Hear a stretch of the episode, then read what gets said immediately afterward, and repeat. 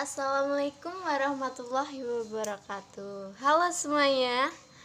Perkenalkan nama saya Intan Putri Yulia Mahasiswi semester 4 Prodi Manajemen Universitas Pekalongan. Oke, jadi podcast kali ini saya buat untuk memenuhi tugas mata kuliah Manajemen Pemasaran Lanjutan. Di sini saya tidak sendiri. Saya ditemani oleh dua wanita hebat yang sedang merintis usahanya. Nah, mari kita langsung sambut saja. Ini dia Mbak Ika dan Mbak Manda. Halo semuanya. Halo. Gimana nih kabarnya? Alhamdulillah saya sih sehat. Eh, kalau saya masih agak pilek sih, tapi untuk coronanya kemarin alhamdulillah negatif. Oh, Alhamdulillah ya. Semoga cepat sembuh ya. Oke sih siap. Baiklah, kita langsung ke pembahasannya saja ya yaitu bagaimana cara mengoptimalkan penjualan online dengan menggunakan strategi pemasaran yang tepat. Nah, sekarang ini kan kita sedang menghadapi masa pandemi nih. Itu kan pasti banyak yang coba-coba jualan online kayak mungkin jual masker, jual hand sanitizer, jual makanan atau apa pun yang penting menghasilkan uang lah ya. Nah, buat kalian Mbak Ika dan Mbak Manda di masa pandemi ini ada coba-coba jualan online juga nggak? Atau emang udah ada usaha sebelumnya? Uh, silahkan Mbak Ika barangkali mau menjawab dulu. Kalau saya sih dulu ada waktu sebelum pandemi sempat jualan online tapi nggak bertahan lama sih. Hmm, terus menurut Mbak Ika apa sih yang membuat jualan onlinenya nggak bisa bertahan lama? Kalau menurut saya sih waktu itu karena jualan masih belum ngerti gimana strategi pemasaran online yang tepat, jadi produk yang saya jual itu kurang menarik pelanggan. Di situ aku mikirnya, wah ternyata nggak gampang ya. Jadi wah ya udah, waktu aku mutusin buat berhenti aja.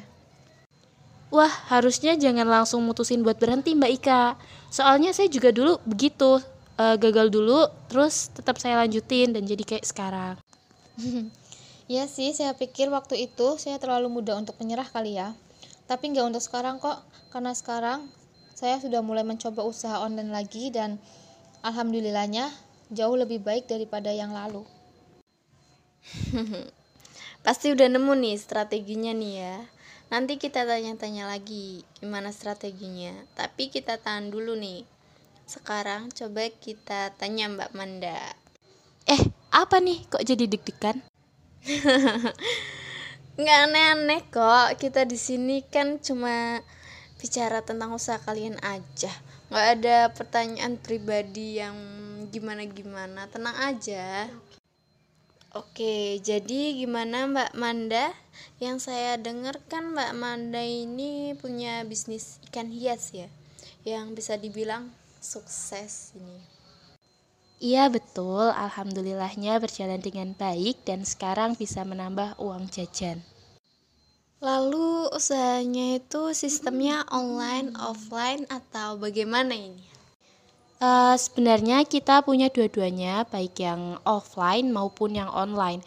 Untuk yang online kita Maaf nih nyala Mbak Manda, apa sebelumnya itu emang udah ada toko offline-nya kemudian setelah pandemi karena maaf mungkin omsetnya turun jadi coba jualan online biar bisa menjangkau pasar lebih luas Iya, betul Mbak Ika. Setelah pandemi kita baru jual online. Kita memanfaatkan media sosial seperti Instagram, Facebook, dan WA buat promosi. Lumayan lah buat memotong biaya produksi.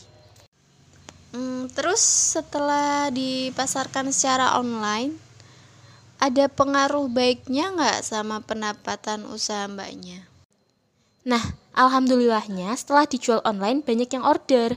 Padahal awalnya juga sempat pesimis karena di masa pandemi ini kan banyak yang dirumahkan orang juga mikirnya kan buat makan sehari-hari nggak butuh ikan hias. Tapi ternyata nggak juga.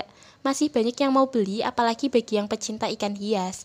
Juga karena orang lebih banyak di rumah jadi mereka nemu hobi baru seperti mengoleksi ikan hias apalagi cupang yang masih tren akhir-akhir ini.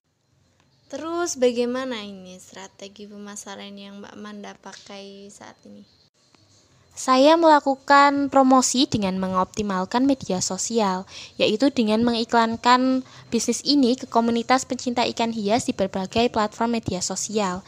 Saat promosi, eh, kita coba memberikan visual yang menarik dan caption yang bisa mempengaruhi minat pelanggan dan juga kita pakai strategi cross selling karena kan kalau pada saat orang membeli ikan hias pasti akan mencari kebutuhan lainnya seperti akuarium, pakan, filter air ataupun aksesoris lain.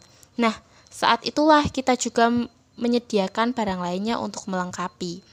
Juga kita harus melakukan riset pasar terus-menerus ke depannya biar bisnis kita tidak ketinggalan pasar. Uh, saya rasa hanya itu sih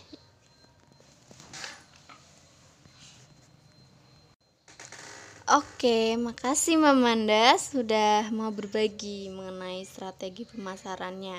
Nah, buat yang dengerin podcast ini bisa ditiru nih strategi dari Mbak Manda ini. Oke, selanjutnya mari kita tanya ke Mbak Ika ya. Tadinya tadi kan, tadi kan Mbak Ika bilang mulai bisnis online lagi kan nah coba apa strategi marketing yang Mbak Ika pakai saat ini jadi seperti yang saya bilang sebelumnya, saya pernah jualan online kan, tapi nggak berhasil. Kemudian saya coba kembali, tapi sebelumnya saya belajar marketing dulu sih. Bagus nih Mbak Ika belajar dari pengalaman sebelumnya. Iya, jadi untuk mulai dari awal lagi ya, belajar marketing dulu supaya tidak gagal lagi ya, Mbak Ika. Gitu ya. iya dong. Jadi kan produk yang saya jual itu skincare ya. Strategi pemasaran yang saya pakai itu disebut strategi racun dan penawar. Wah, racun apa nih sekali. Racunnya, racunnya itu apa ya? Saya tinggal buat konten yang berkaitan dengan masalah kulit wajah. Karena produk saya itu basicnya skincare, di situ saya jelasin mengenai masalah wajah, seperti efek jerawat itu apa, beruntusan, flek hitam, dan lain-lain. Jadi mereka yang relate dengan konten saya otomatis akan mengunjungi akun TikTok saya dan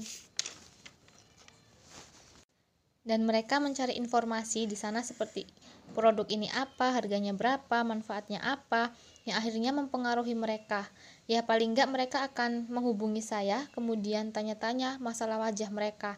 Nah di situ saya ngasih tahu ini loh produknya, harganya segini. Nah di situ mungkin mereka bakalan tertarik untuk membeli produk saya. Wah keren nih strateginya Mbak Ika.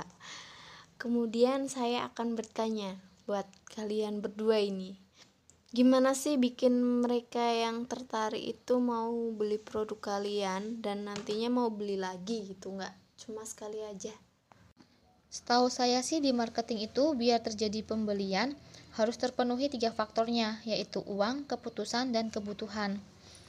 Kalau salah satu di antara tiga faktor tadi ada yang tidak terpenuhi, maka susah untuk terjadi pembelian. Apalagi uang, uang itu penentu untuk terjadi pembelian. Nah, terus biar order lagi gimana? Caranya menjalin hubungan baik dengan pelanggan dan harus bisa membangun kepercayaan dan kepuasan pelanggan. Kalau pelanggannya puas dan suka, pasti akan beli lagi dan bahkan mungkin akan merekomendasikan ke temannya. Saya kira itu aja sih strategi yang saya pakai dan ini berefek baik ke usaha saya. Wah, Thank you nih buat Mbak Ika dan Mbak Manda. Semoga podcast ini bermanfaat ya buat yang dengerin podcast ini. Dan terima kasih juga karena kalian sudah mau hadir di podcast ini. Ya, kalau apabila ada salah-salah kata mohon maaf. Oke. Okay. Kita tutup. Wassalamualaikum warahmatullahi wabarakatuh.